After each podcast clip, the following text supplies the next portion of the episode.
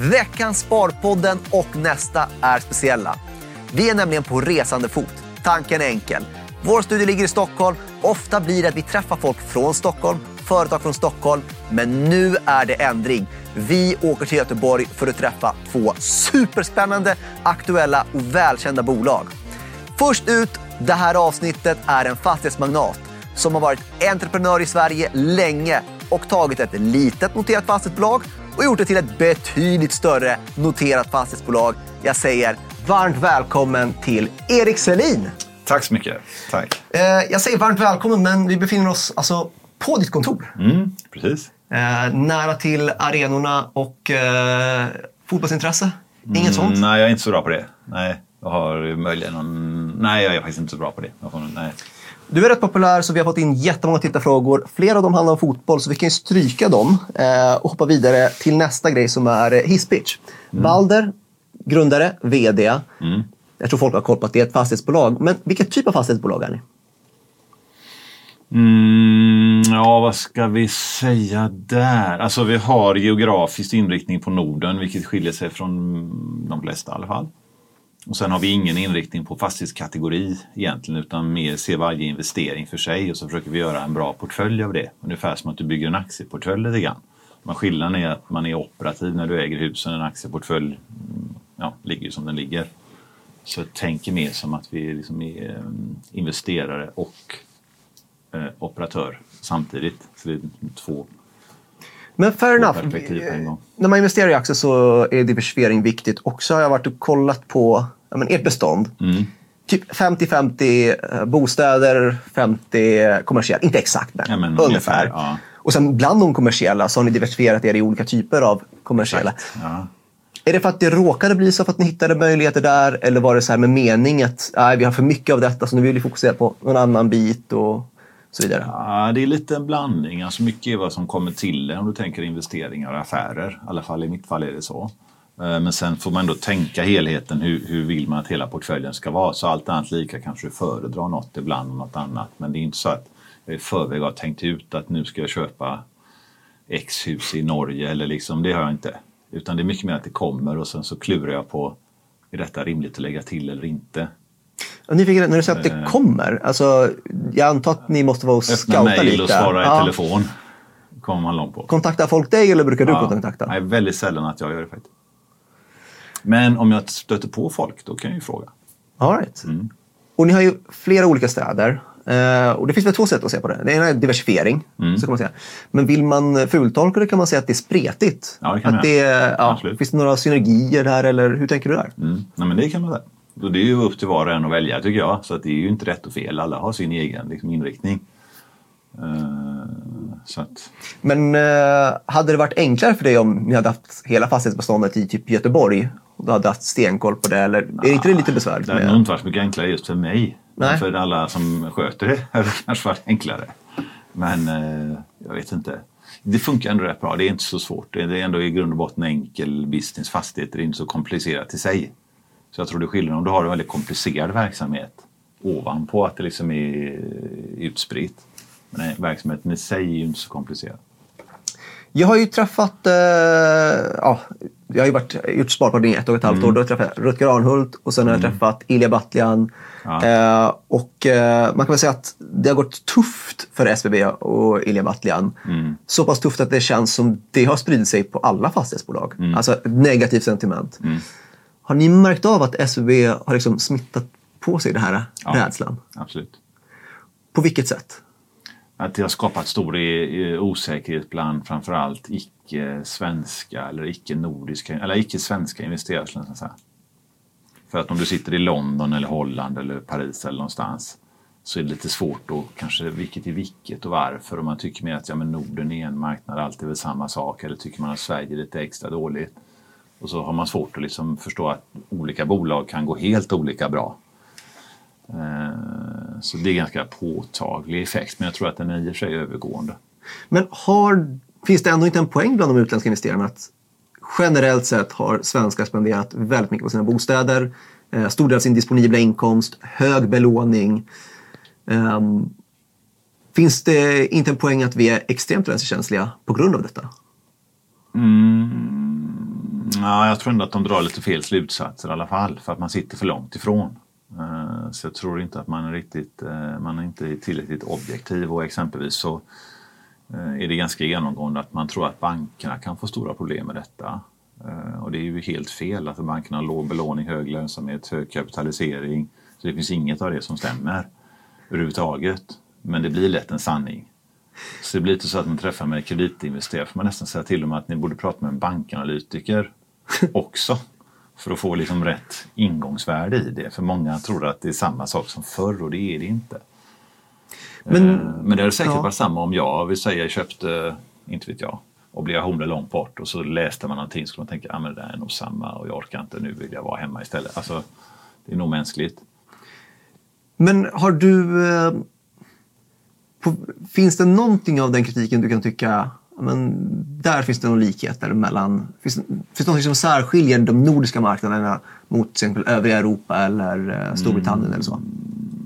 Ja, jag kan inte de andra marknaderna i detalj faktiskt. Jag vågar inte svara på det. Men, eh, men jag tror att man har glömt bort att eh, från, förra, eller från den krisen som var 90, början på 90-talet och sen kom ju en finanskris 08 och fram till nu då så är systemet riggat på ett helt annat sätt faktiskt.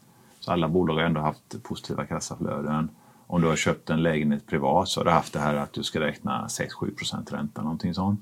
Du får låna, vad är det, fyra och en halv gång inkomsten, någonting i den stilen. Vilket gör att eh, om räntan visserligen går från 0 till 4 så är det ändå så att alla har räknat med att kunna klara av 6-7 procent ändå. Men har och folk det? det? Alltså, jag håller ju med dig till viss del. Nej, men, och det ja. tror jag man tappar bort. Att liksom, det var inte så att alla trodde att räntan alltid skulle vara noll för då var ju allt för billigt. Så det brukar säga också att hade det varit så då hade allt varit alldeles för billigt. Om räntan alltid är noll så blir värdet nästan oändligt egentligen i teorin. Men de som säger att eh, till exempel, nu är det mm. väldigt många fastighetsbolag som ska få ner skuldsättningen och mm. det kostar mycket att låna. Mm. Och, mm. Jag menar, det är inte bara SBB som jobbar med detta, alla Nej, jobbar med detta. Gör det, ja, ni har ju också amorterat. Ja, och så. Ja. Finns det inte, var det inte någon naivitet när vi hade låg ränta, att man inte påbörjade redan då? Och nu liksom, i det här läget är det lite besvärligare att sälja. Det är en timingfråga of course, men eh, var man inte lite naiv förra året, året innan och dessförinnan dess också? Mm, nej, inte man var naiva. Det är väldigt svårt att se framåt mer än en viss bit. Så jag tror också, om du hade stått utanför detta då, i fem år, vad hade folk sagt då? Ja, att man är för defensiv. Och, exakt, ja, exakt. och du missköter ja. dig och är det här och aktieägarna gillar inte det. Du vet, hade fått supermycket kritik. Och sen när det ändrar sig så är det lätt att säga att ja, men då borde du ändrat det innan. Men det är ju inte alltid så lätt liksom när man... Eh, det är inte så lätt att se framåt. Det är inte alltid det. Och jag menar, till och med Riksbanken sa väl, var det i början på förra året, att ja, räntan ska inte höjas på tre fyra år eller vad var det? Någonting sånt. Så till och med de då som sitter på beslutet bara några månader innan man höjer så att det ska inte hända på flera år. Men de har väl typ så... haft konstant fel jo. hela tiden? Jo, men det, det visar lite hur svårt det faktiskt är. Uh, och egentligen vet man aldrig hur någonting går överhuvudtaget. Det är den stora lärdomen tror jag, om inte man har tänkt på det innan. Att det är väldigt, väldigt, väldigt svårt att veta vad som händer i närtid. Men på lång sikt så kan man mycket enklare gissa vad som händer. Så. Men om du, ja, nu är det ju facit i hand såklart, men eh, hade du varit bekvämare om ni hade börjat den här räntehöjningen med en lägre eh, skuldsättning? Det behöver inte vara antingen eller. Man kan ju liksom, eh, ja men, vi kan börja amortera. Det, det, det är kanske är lite defensivt, men det skadar inte alltid. Att, uh, ja, men en balansgång ja. avkastning och risk, du vet. Eller hur? Så det, och det är frågan var går den balansen och det kan man aldrig riktigt exakt veta. Det går inte. Va? Alltså, uh, nej, så, så, den är svår. Den är faktiskt väldigt svår. Det är lätt att titta tillbaka och säga vad man borde gjort. Jo men så är det. Så hade ju varit jätteenkelt. Då hade jag sålt alla hus och så hade jag gjort 100 eh, miljarder i, i 30 års swappar. Eh, och så hade Balder varit värt 300 kronor per aktie. Det hade varit fantastiskt Om jag visste allt innan. Eller hur? Det hade varit jo, otroligt bra. Och nu är det dags för tittarfrågor. Vi har ju fått in jättemånga. Eh, Nordnet på Twitter. Där kan ni ställa dem eh, till framtida gäster. Och här har vi en från Tom som undrar, ni har ju intressebolag eh, där ni har andelar i. Varför ställer ni inte dem och amorterar bort eh, lite skuld? Ja, därför vi tror att det är en bättre affär för aktieägarna att eh, behålla dem. Vi tror att avkastningen kommer att överstiga lånekostnaden helt enkelt. Jag upplever att sentiment har blivit lite grann att det är så här sälja allt vad du kan och få ner skuldsättningen. Men Ja. eh, jag antar ju att man säljer ju en del av sin verksamhet. Det finns ju kanske en tid efter de här ränteuppgångarna som... Exakt. hur tänker du där? Nej, jag, tror, jag tänker alltid långsiktigt. Det är det som är på gott och ont. Och då kan du inte ena stunden göra, du vet vad för stunden råkar vara populärt eller vad många tycker. Så jag tror man ska vara trygg i att det här tror vi är bra därför att, över lång tid. Och sen får man hålla sig till det om inte fakta ändras. Eh, för att annars skulle du kunna hålla på du vet, ändra beslut varje dag. Så att, eh, det finns ju bara ett syfte med Balder, att aktien ska bli värd mer pengar över tid, eller bolaget ska bli värt mer. Det är det enda det går ut på. I onsdag hade vi en, eh, avsnittet innan, hade Mm. vi en podd om eh, eh, brist på ledning och styrelse som kämpar för aktieägarvärde utan att det kan finnas andra mål och eh, riktningar. Men då är Nej, du tydlig med att eh, ja, det är bara ett mål. Mm. Aktieägarvärde. Ja. All right. Det är tydligt. Eh, då ska vi faktiskt gå in på... Jag vill prata lite nyproduktion. För eh, det är extremt populärt nu. Mm. Nyproduktion är liksom... Du bygger någonting nu, vem vill köpa en nyproduktion? Men Mm. i och med att det är så impopulärt, borde det inte om några år bli ett gap där det inte byggs tillräckligt mycket och att det blir en möjlighet? Eller hur ser du på nyproduktionsbranschen? Jo, så kommer det bli. Men du har både bostadsrätter och hyresrätter. Och tar du Balder så finns vi även i Finland, och Danmark och Norge. Men om vi antar att det är Sverige du kanske pratar om i första hand. Okej, första hand Sverige. Ja, eh, så har du ju liksom bostads och hyresrätter. Och fram till då slutet på 21 typ så var ju hyresrätter bland det bästa marknaden och alla gillade det, inklusive vi.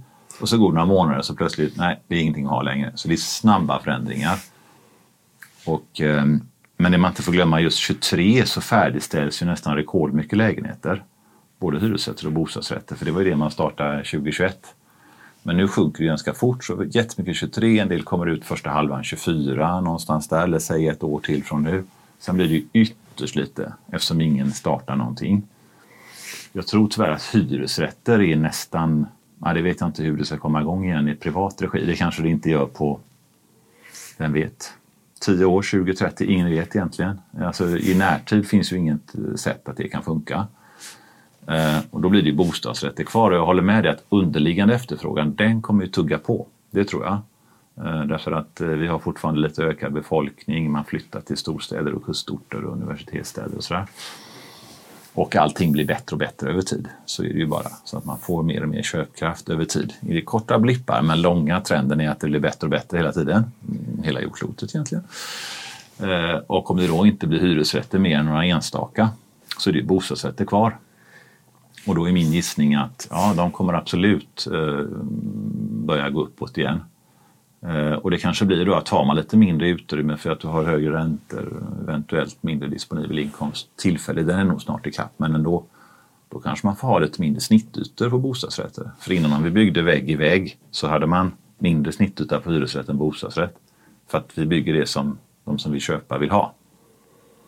Så då tror jag lite mindre snittyta och så kommer bostadsrätterna bli bra igen.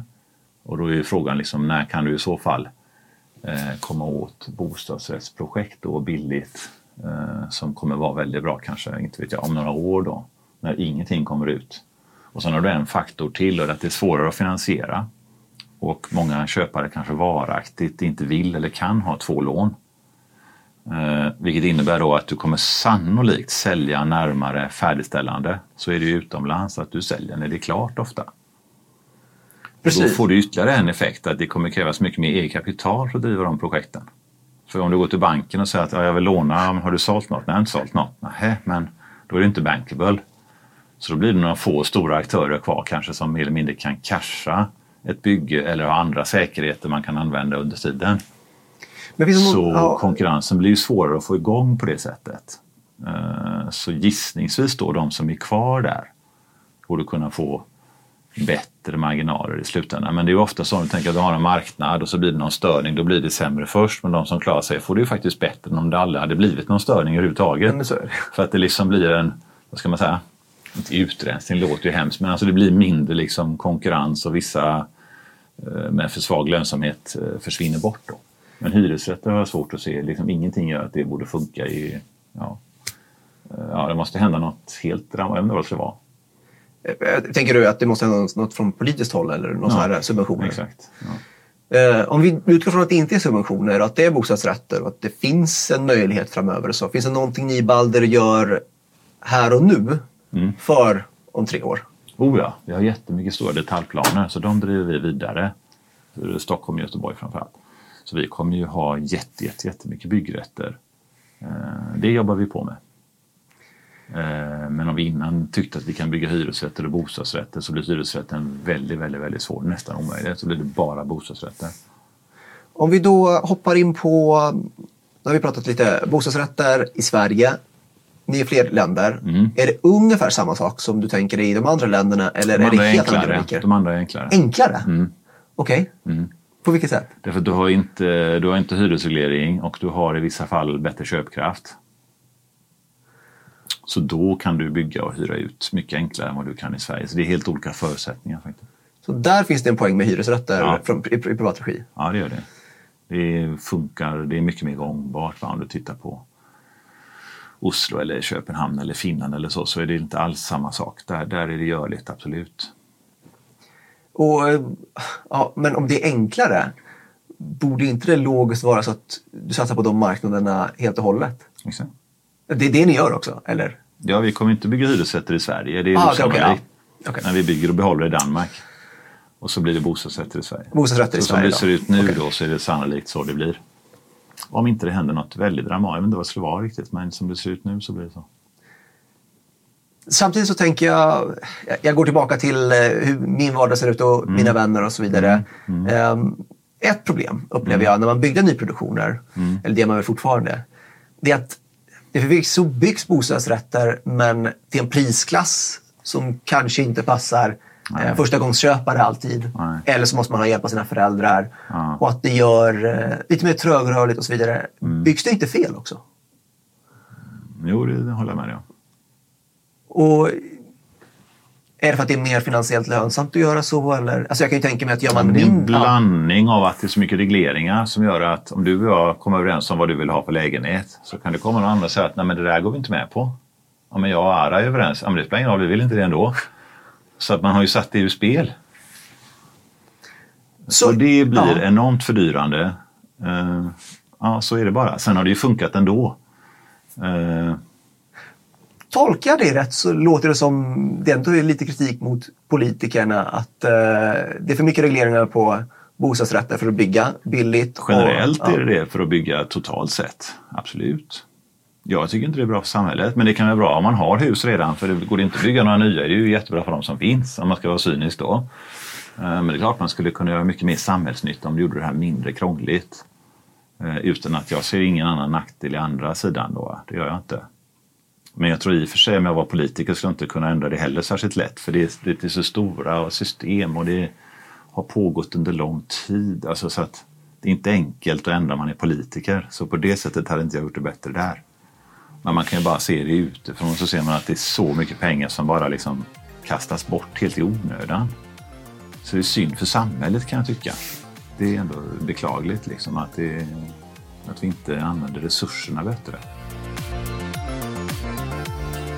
Kära Sparpodden tittare, lyssnare. Jag vet att många av er redan är kunder hos oss på Nordnet. Det är jättebra.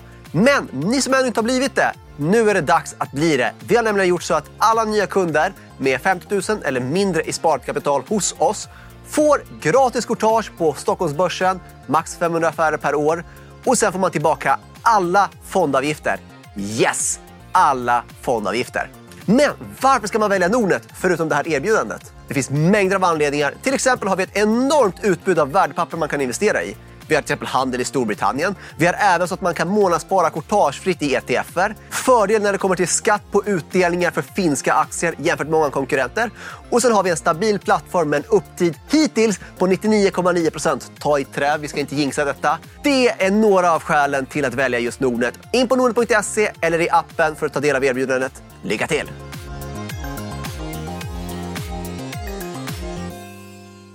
Och från eh, det till eh, ja, men lite intressebolag eh, ska vi fortsätta in på. Och då har jag fått fler som ställt samma fråga och vissa som tror på att det här måste ställas. Eh, men jag tror inte den är speciellt kontroversiell egentligen. Eh, kontroversiellt. Castellum och ni har ju Entra, Ja. innehavet där. Ja. De värderar ner det en halv miljard. Ni gör det inte. Det är samma innehav. Ja. Eh, har de rätt, ni fel? Eller hur tolkar man detta? Kan man ha olika värdering på samma innehav. Man ställer en fråga och så frågar man vad har ni för värdering? Och då kommer man få svaret att vi har exakt samma värdering per aktie. Så de har inte skruvat ner sin värdering på... Jo. Ja, till er nivå? Exakt. Var det allt? Jag trodde... Jag hade ju... Då har jag helt misstolkat det.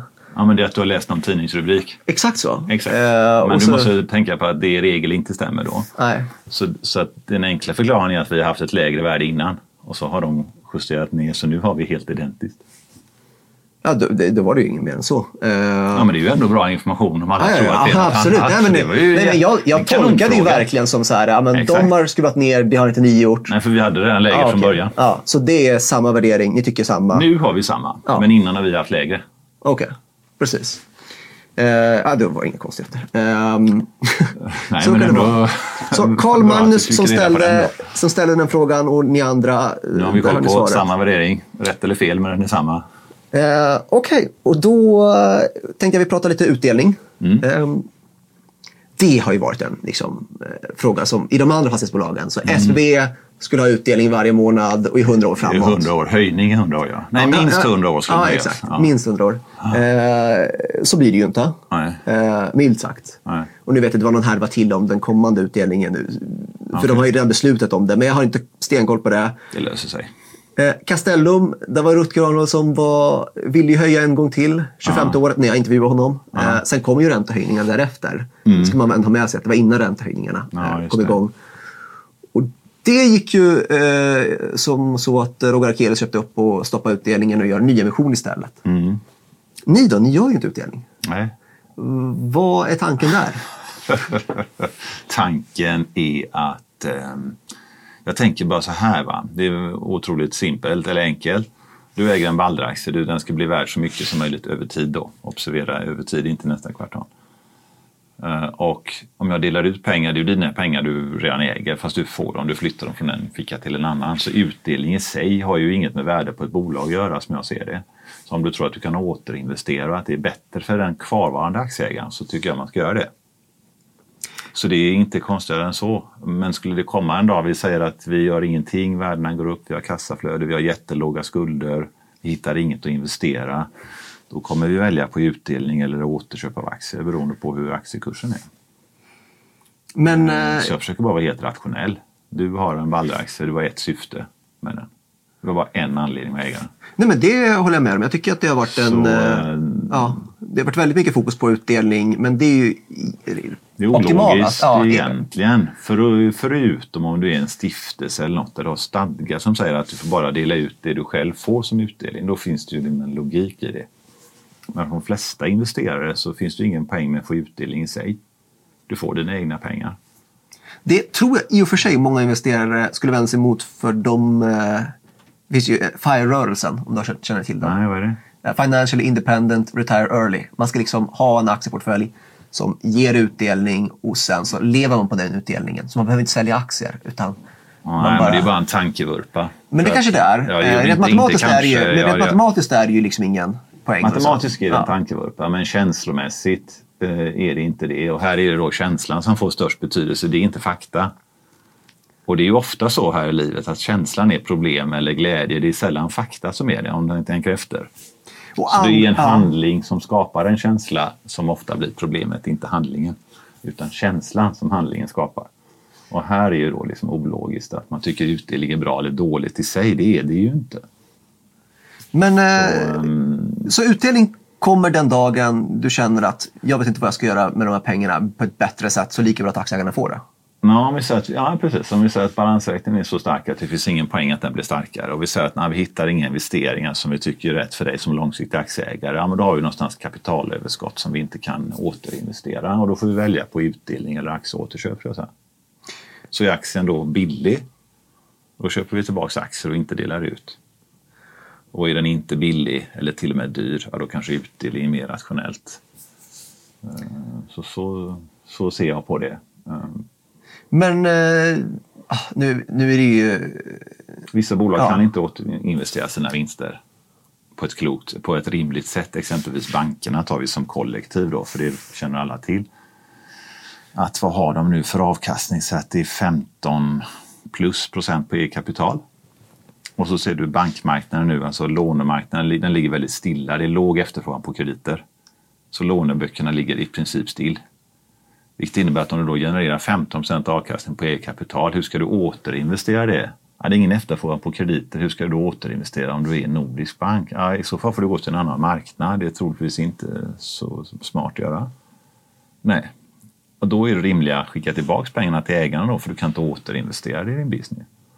Och antingen kan de ge kontantutdelning eller köpa tillbaka aktier, det är ju en smaksak i deras fall då. Eh, så Men om man där går, är det helt ja. logiskt. Det går inte att återinvestera vinsterna. H&M har inte kunnat göra det innan och tänkte när det var enormt lönsamt förr i tiden. Det gick inte att öppna butiker i snabbare takt. Liksom. de hade inga lån, de hade bara en stor kassa. Nej, så vad ska man då göra? Ja, men till sist får du liksom dela ut eller köpa tillbaka aktier. Och du har ju i USA techbolagen Apple och alla de här som har hur mycket pengar. Det går inte att återinvestera det. Så så är det egentligen. Alltså. Men utdelning är liksom en, ja, det, det blir mycket tankevurper kring det. Min pappa som har lite aktier och som jag tycker är väldigt smart i sig. Han gillar att få utdelning. Han var läkare. Han tycker att ja, då kommer det in pengar på kontot. Ja, men det är ju dina pengar där från början. Ja, men det är ändå bra att få in på kontot. Liksom. Ja, men du ser, det finns jo, ju. Ja, så det är ju en känsla. Det har inget med... Det är, det är en känsla. Om, om, man vänder på det så här, en inverterad utdelning det är en nyemission och det har väl Castellum har gjort det. SBB försökte men det gick eh, inte för de har satt en för hög emission. Det, det, var, det var många grejer mm. men en av dem var emission kanske var alldeles för hög. Eh, finns någon sån risk eh, för er? Alltså ser du någon sån risk för nyemission någon ja, I teorin kan alla bolag eh, riskera det. det om, vi, om vi lämnar teorin, så är det realistiskt. Ingen kan ju säga att det inte kan hända, det vore ju felaktigt. Men realistiskt, du ser ingen sån Jag tror inte vi behöver det. Jag tror att, eh, för vet, vi har ganska bra intjäning så jag tror att om vi egentligen bara ligger och är lite passiva ett tag så tror jag att det, om du räknar på det så ser du att det det är en väldigt snabb effekt av det när åren går. Du vet att eh, den intjäningen gör man inget annat särskilt och nu är ju snart alla bygge avslutade. För det har ju liksom, där har vi lagt ner mycket pengar. Men när den pipelinen går ner och blir väldigt liten så blir ju allt kassaflöde kvar. Eh, så då stärks ju balansräkningen ganska fort helt automatiskt utan att vi egentligen gör något. Så att jag tror inte vi måste, men däremot om vi hittar att det är bra tillfälle att sälja eller göra någonting annat så ska vi titta på det. Ja, så jag såg att ni har amorterat 1,7 eh, miljarder i senaste kvartalet. Och ska vi tolka det som att när ni får kassa då är det prioriterat att amortera bort eh, lån? Nettot blir det samma, alltså ja. nettoskulden ska man tänka egentligen. Sen kan det ligga ibland kassa och inte. Det är mer, men om man tänker nettoskulden. Ja, precis. precis nettoskulden. Nettoskulden i konstant valuta kommer sjunka. Okej, okay. ja, men det är tydligt. Tydligt besked. Så blir det. Eh, och en sak som eh, typ ingen bryr sig om känns det som, fast det är ändå mm. en rätt viktig sak. Och det är väl eller för, folk brydde sig förra året en viss tid, elförbrukning ja. och sånt där i fastigheter. Ja, och här är det väl en win-win scenario eventuellt. Man kan mm. göra dem mer energieffektiva fastigheter, mm. gissa på att det sparar pengar för er mm. och så. Mm. Eh, hur går det arbetet för er? Ja, det har vi alltid hållit på med, att spara energi. Du vet. Det är inget som har hänt utan det har vi alltid gjort så länge jag kan komma ihåg. det, däremot... det, är en kostnad ja. som man helst inte vill ha och det är onödigt. Man vill inte ha sådana stora räkningar dimper ner i brevlådan. Men har det inte accelererats av Ukraina-krisen? Jo, eftersom elpriserna blir så höga ett tag så blir det ju större anledning att titta på det. Nu är de ju låga igen. Men jag tror vi gör i huvudsak samma. Vi vill ändå fortsätta spara energi. Och vi vill spara på alla. Det är onödigt att slösa på resurser om inte man behöver det. Men ett tag var ju det på tapeten att oj, det går inte och en villa ska få 70 000 elräkning och då var ju alla helt hysteriska över det. Och så tänkte jag, men energi är en råvara, den kommer över tid bli billigare, inte dyrare. Eh, men den är marginalprissatt, det vill säga att sista timmen Alltså marginalförbrukningen styr ju hela priset. Och då får du ibland väldigt tvära kast. Liksom. Eh, men nu är det ju låga, eller inte låga, men de är ändå hyfsat okej okay igen. Vad konkret gör ni? Alltså, jag vet att många säger att de gör saker, men vad konkret gör ni? I detalj får du fråga den, här, den avdelningen som heter energimiljöteknik. Då, om du vill ha liksom, den, detalj, den har jag inte. Då går vi vidare. Eh, den här frågan fick vi från Joel som jag tyckte var intressant. Mm. Året är 2028. Du eh, kollar på årsredovisningen. Du får mm. gå fram i tiden och se. Mm. Eh, substansvärde 200 kronor per aktie. Mm. Eh, förvaltningsresultat 13 miljarder kronor. Mm. Är du nöjd? Mm, det beror på i och för sig lite hur allt annat har gått då. Ja, om jag tvingar dig att säga, oavsett vad allt annat Oavsett ja, allting. Är du nöjd med din insats? Vi, vi antar att kronan inte har blivit jätte... Vi säger att det har inte hänt något annat jättekonstigt. Ja, men då ska jag säga att eh, ja, det är hyfsat. Ja. Det låter inte som du är jättenöjd. Nej, det är jag aldrig egentligen. så att det kommer jag inte vara då Det, heller. det är, ja, du kan inte göra det i huvudet, men det är väl en dupplering på? Det är en dubbling på fem ja. år, men det är 15 procent per år. Ja. Om du räntar, precis. ränta på ränta. Ja, det är bra. tycker jag men det är högt. inte sensationellt bra. Är det inte. Nej, okej, okej. Ja. Vi får se. Alltså jag hade ju Rusta med för inte alls länge sedan. Och då Ja. tyckte jag det var jätteimponerande att de hade dubblat sin försäljning var femte år. Och jag tyckte att ambitionen om att fördubbla om fem år till var jättehögt. Liksom. Så här, Oj, fördubbla. Du är inte jättenöjd med fördubbling? Men fem år? 15 procent per år är ju bra, men det är ju inte skyhögt, eller? Men det beror också på vad är allt annat, eller hur? Ja, ja, ja, till viss- Om räntan är noll, inflation noll, allt är noll, ja då är ju 15 procent enormt mycket. Det är ju 15 procent realt då liksom. Men tänk om inflation och annat är 15 procent, då ligger bara på stället marsch ju.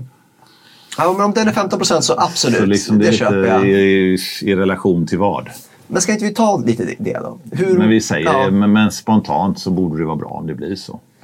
Om vi tar inflationen, Mm. eh, för den påverkar ju ränta som påverkar ju er och så vidare. Ja, ja. När vi fick de här, om vi går tillbaka till, eh, vad blir det, hösten då? När de höjde räntan jättesnabbt. Förra hösten. Ja, exakt. Var du orolig För? När de började höja? Alltså det var ju typ en procentenhet som höjde. Ja, över, ja, och sen har de fortsatt höja och hela sentimentet ändrades. Jag var inte så orolig för den procenten i sig. Nej. Det kan du räkna på att det är inte så jättestor effekt utan det är mer om om det i sig skulle bli att alla blir så oroliga att det snarare blir problemet än att egentligen räntan går upp lite grann. Men blev det Alltså inte om det ett, ja, skapar liksom en, en, en oreda i sig som blir ett problem. Men det gjorde det väl? Alltså Inte- jag tänker det är kanske inte inte... så farligt ändå eller? Ni kanske inte var prime exempel på det här, men jag tror att hade jag frågat SBB eller Castellum så hade de sagt jo, det Jo, påverkade okej, det jättemycket. ställde till det mer där kortsiktigt i alla fall. Ja, det gjorde det. Men du tyckte inte det var läskigt eller oroligt? Ja, inte den procenten i sig tyckte jag inte, utan Ah, okej, det är snarare om den leder till någonting annat som blir liksom eh, eh, krångligt då. Om du bara räknar på den procenten gör den ju inte så rasande stor, även om det är mycket pengar. Det är inte så att det jag menar, ser du Balders förvaltningsresultat i år, våran prognos, är det att vi precis slår förra året som ändå var rekord. Alltså, så vi ligger och skvalpar på ungefär samma intjäning som sagt. Om jag Så går det vid... ser ut att bli rekordintjäning. Ska man säga är det kris att det är ett nytt rekord eller borde det varit ännu mycket mer större nytt rekord? Ja, det är alltid, ja. Jag går vidare till eh, en till tittarfråga. Mm. Eh, miljonär innan 30 har undrat, hur bygger du aktieportfölj? Eh, ni har ju ingen utdelning. Eh, och jag gissar ju att det handlar om att du belånat med Balder som säkerhet för att investera Men i hur jag gör själv? Ja, precis. Ja, ja, ja. Nej, men det är ju en bra fråga. Men grejen är att Balder har aldrig varit min enda tillgång. Så det har alltid varit bara en del av helheten. Eh, För att när jag bildade bolaget så gick eh, kommersiella fastigheter som jag hade blev Balder. Men sen hade jag andra tillgångar också. Så det är förklaringen att det har aldrig varit allt någonsin. Det har alltid varit en del. Och på en. Och sen har jag ja. haft lite tur att det har varit bra avkastning i den avdelningen också. Om man säger. Så att det har liksom blivit skapats mycket kapital där. Eh, under, ja, parallellt. Och om jag, vi har fått en fråga på det här också. Ifall Thomas undrar, skulle Mm. inte du kunna starta ett investmentbolag? Och det är många som tycker det. Alltså Flat Capital gjorde ju det. Det var ju Ja. eh, Cementovskis liksom. Eh, med Klarna och allt det där. Ja, ja. Det, det känns väl inte helt orimligt. Nej, jag, jag har få, fått den ja. inputen regelbundet eh, alltid. Och vad är ditt svar till inputen? Att Just nu har jag inte riktigt tid med det. Tid? Du har inte tid med det? Nej, Men det, det ordnar du eller? ja, men det... Jag kan förvalta det. Det har jag inget problem med Ja, alls. du förvaltar Ja, jag kan förvalta det. det här. Ja, ja, okej då. När jag sparar på den lämnar jag imorgon och man eh, gör mig ansvarig till det här. Nej, men jag tycker i och för att det hade varit roligt. Det finns mycket bra saker vi kan göra det, men jag kan inte riktigt se hur jag ska lösa det nu. nu? Jag, jag förstår ju det när jag fått den ibland, eller regelbundet. Men den, det, det är en tanke du överväger seriöst? Nej, egentligen inte, för jag vet inte hur det ska gå till. Hur ska jag Du frågade det Simon hur han gjorde. Ja. Uh, nej, inte just nu. Han fick ju dessutom en, eh, ett bra tag för- hade de ju en ordentlig premie mot sitt substansvärde. Det är liksom, Mm. Den potentialen finns ju. Jo, får man en boost. men, eh, ja. Kanske någon gång, inte, inte just nu. Eh, så har vi fått eh, frågor på, ni har ju en rabatt jämfört med ert substansvärde just nu. Mm. Varför inte insynsköp från din sida? Jag har aldrig köpt och sålt Balderaktier. Har du aldrig köpt och sålt Nej. Balderaktier? Nej. Jag fick tyvärr ärva några, så det är den enda förändringen som har skett då. Så jag, jag har aldrig handlat i Men den är det en någonsin. princip du har? Ja, eller? jag tyckte det var enklast. Därför från början så tyckte alla att ah, men du har för mycket Balderaktier. Alltså, det var för lite aktier i float då. Va? Och så kände jag att ah, men jag vill inte sälja. Liksom. Det känns ju konstigt att sälja sitt barn mer eller mindre. Då. Så jag tänkte, nah, Men köpa kan du väl det göra? vill jag inte. Ja, men om kritiken var att det fanns för lite aktier i float. Ja, du okej, vet, så ja. att du borde sälja så att det blir mer Jaha. float. Ja. Så kände jag att nej, men det känns inte bra. Då har du blivit utspädd, vet. Vi har remitterat aktier ibland och köpt något bolag och så här. Det är ju fine. Då får du ju float utan att jag säljer. Ehm, så det är lite bakgrund att det har alltid varit att jag har för stor andel av bolaget. Den generella åsikten har varit att jag har för stor andel av Balder, inte för liten.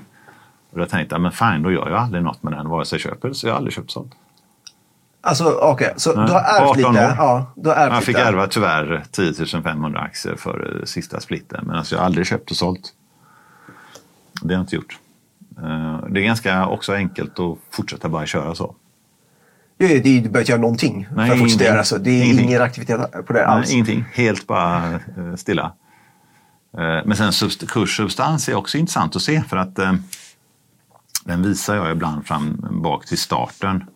Eh, inte alltid, men det är ganska intressant att se de extremvärdena. Som, som högst har vi haft värdering 2,5 gånger substans. Och som lägst 0,2 nästan, eller 0,22 tror jag det var. 0,22? Ja, i, i 09 där, 0809. Oj. Ja, så du tänker från 250 procent till 22 procent. Så då har du liksom faktor 11 kan vi säga. Då. Ja.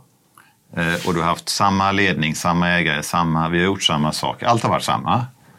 Men aktiemarknadens humör eller liksom perceptionen har varit en faktor 11. Och det tycker jag är en väldigt intressant spaning i sig och som man kan kolla på när man kollar längre tidsserier. Och det är därför du kan tjäna så mycket på aktier. Därför att det frikopplas från tid till annan både upp och ner. Då. Och alltid mycket mer än vad man tror. Va? För tänker man ah, att det borde ju inte bli orimligt och alla är smarta och folk räknar. Och... Men det blir ju hela tiden det. För dyrt och för billigt. Eh, och jag tycker vi är ett bra exempel på det. Men och, här är ju en så här, äh, stor debatt. Jag jag har även gjort videor på det för att det är ofta Ja. så här, I teorin till exempel, kollar man på SBB, och ursäkta att jag tar upp SBB som exempel, men men det det, får har, det har varit så mycket SBB Ja, absolut. Det så att det blir lätt. Men Ja. de har ju liksom, vad är det, 80% substansrabatt mot sitt uppgivna substansvärde. Ja, just det, ja. Och nu kommer jag inte ihåg om det var långsiktiga eller eh, den Ja, men, kortsiktiga. någon- men säg något snart det, ju, det betyder att marknaden tror inte på det här. Nej. Alltså, så är det ju. Nej. Ni har ju 35-38 procent Ja, substansrabatt ja, och så vidare. Ja.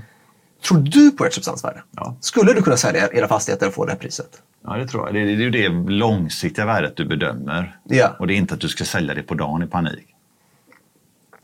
Alltså definitionen är Ja. inte, inte att du Nej, ska precis, liksom precis. paniksälja något, för då vet du aldrig vad värdet är.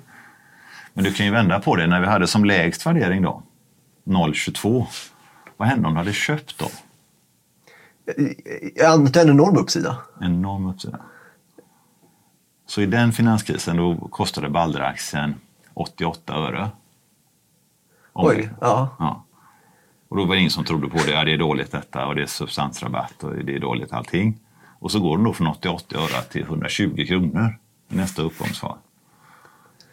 Men det betyder ju... Så det så betyder att börsen Ja. har inte kortsiktigt rätt. Liksom, men man leds gärna att tro det. Och jag ibland också drabbats av det att liksom, man, man glömmer bort hur dålig den kortsiktiga korrelationen är. Och den är svår att påminna sig för man tänker alltid att de alla här är så smarta och de räknar och de kan allt. Hur kan det vara så här? Och så är det så hela tiden, upp och ner. Jag. Det är inte bara att det är för billigt, det är också alldeles för dyrt. Eh, vissa saker. Eh, och kan pågå under många år. Men en sak som... Så det är tänker så- inte konstigt egentligen detta. Det har alltid varit så. Det kommer alltid vara så. Men en sak är konstig. För det här är ju... det borde ju påverkat dig psykiskt väldigt mycket. Här, jag tror inte du har varit fattig, men du har varit fattigare när det är, vad var det, 88 öre? Var det? Ja, 88 öre Ja, var, var det då köpt- nere i 09, Precis. 08, 09. Jag kommer inte ihåg när den bottnade. Jag tror att det var mars 09 eller något där. Och du har inte köpt och sålt aktier, så Nej. det, det Nej. måste ju ha varit en enorm skillnad i tillgången vad du hade då jämfört med nu. Ja. Hur kändes det för dig personligen? Eh, För det är väl typ allas mardröm att man ja. är nere i botten. Nej, det är ju inte så, det är inte så blodigt som man kanske kan tro. Nej, men det måste ju varit det. Du, du Nej, måste jag tycker mer synd vara- om alla ja. andra som har aktien att den sjunker. Jag ska ändå ha kvar dem. Men det ingår väl också vänner och familj som investerat? Som ja, exakt. Ja. Ja, exakt. Det är värre. Men det var tufft då? På den, på den fronten, för att det var vänner och familj också som... Ja, eller okända vänner och familj, men det har inte så stor omfattning med. Snarare alla tusentals som jag inte vet vilka de är. Eh, Det är snarare det i så fall. Och right. sen då var det ju ändå mycket mer kris 08-09. Då visste man inte riktigt vad hände med hela systemet. Så jag trodde inte att Balder egentligen, jag visste att vi kommer inte ringa banken och säga att vi inte betalar. Men vad händer om hela banken går ner i djupet? Liksom? Vad, vad blir följdeffekten? Den var läskig. Så är det ju inte alls nu. Jag tänkte köra lite kortsvarsfrågor som är sant eller falskt. Mm. Så får du säga. Jag kommer att dra ett påstående och du får säga om det är sant Absolut. eller falskt. Eh, Du såg det som hände i SBB och tänkte Ilja, vad sjutton gör du? Vad håller du på med? Mm, Nej, det tänkte jag inte. Det är falskt.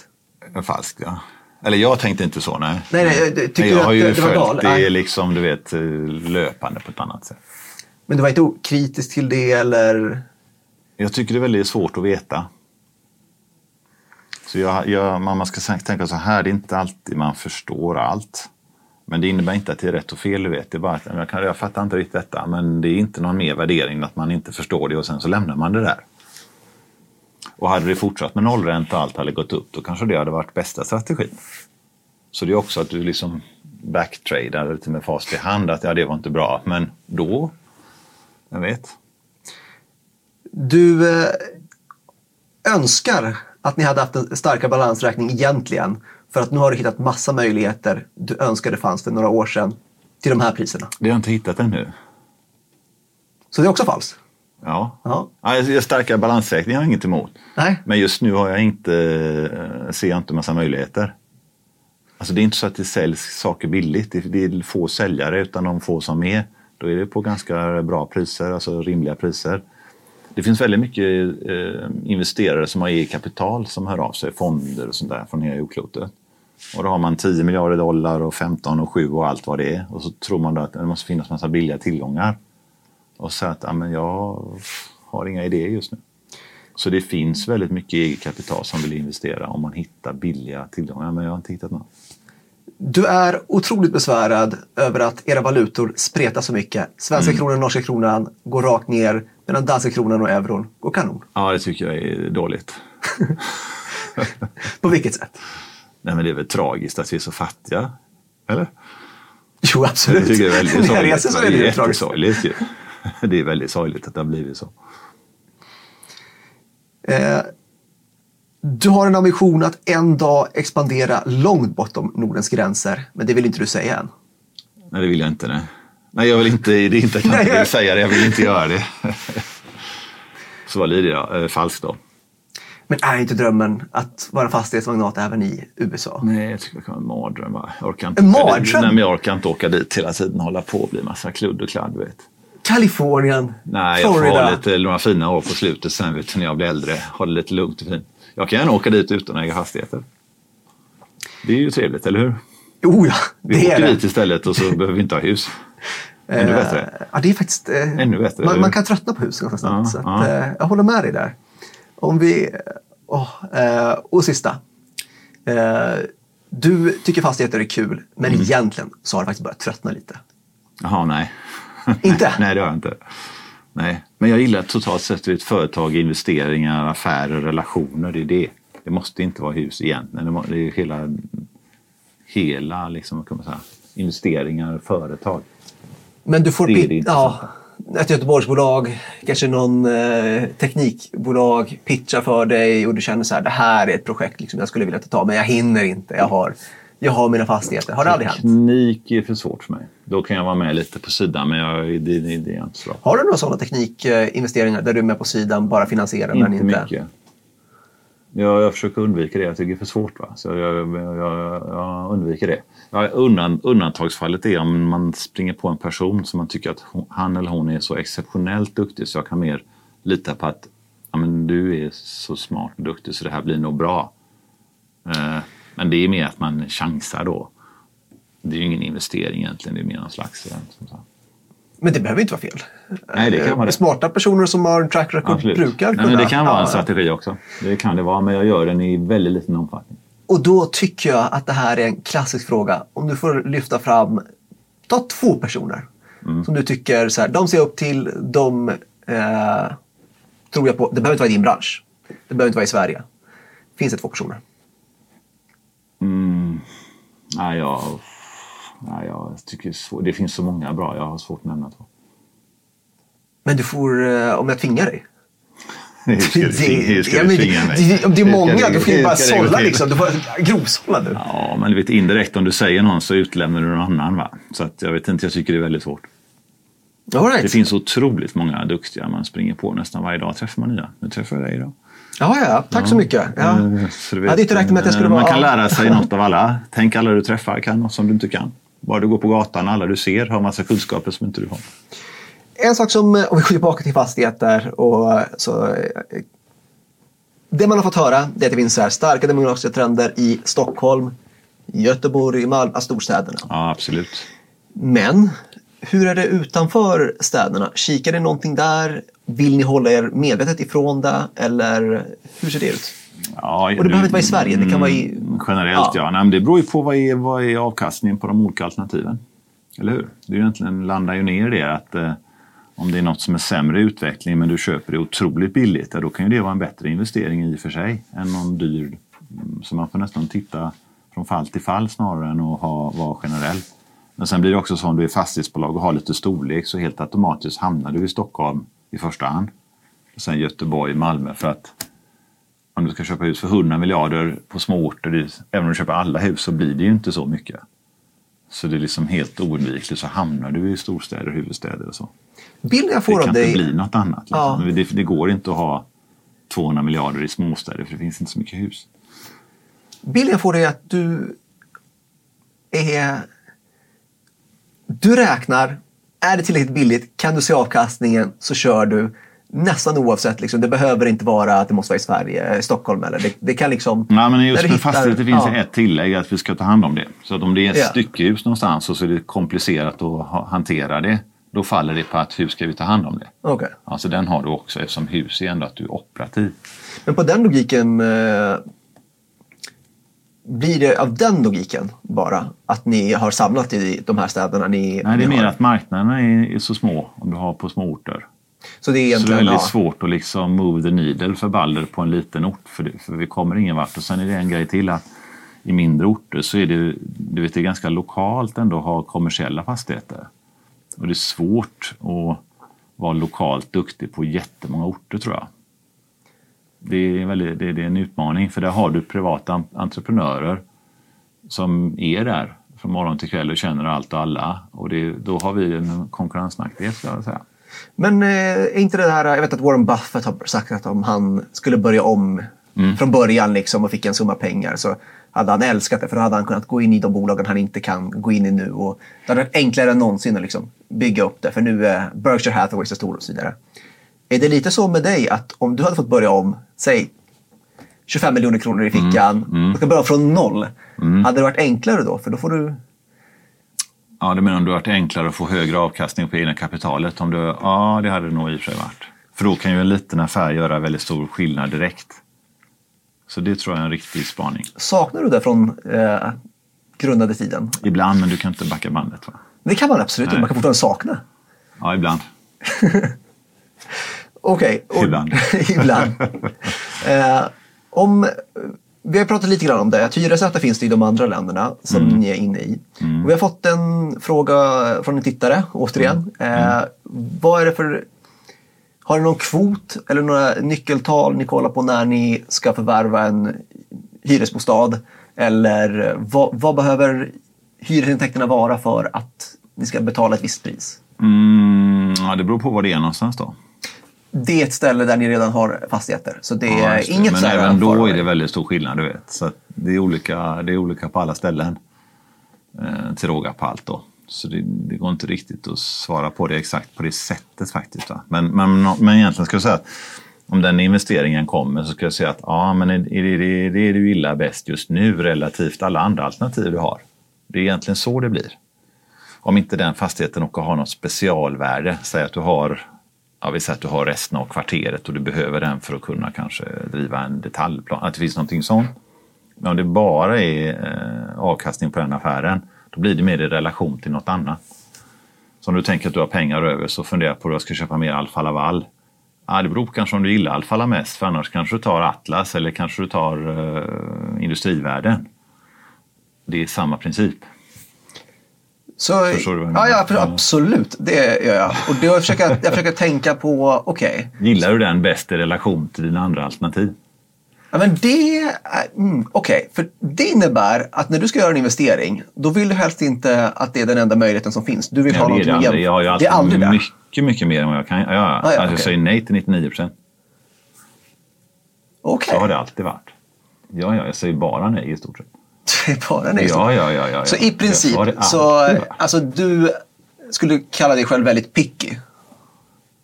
Ja, alltså i relation till det jag tittar på så gör jag otroligt lite.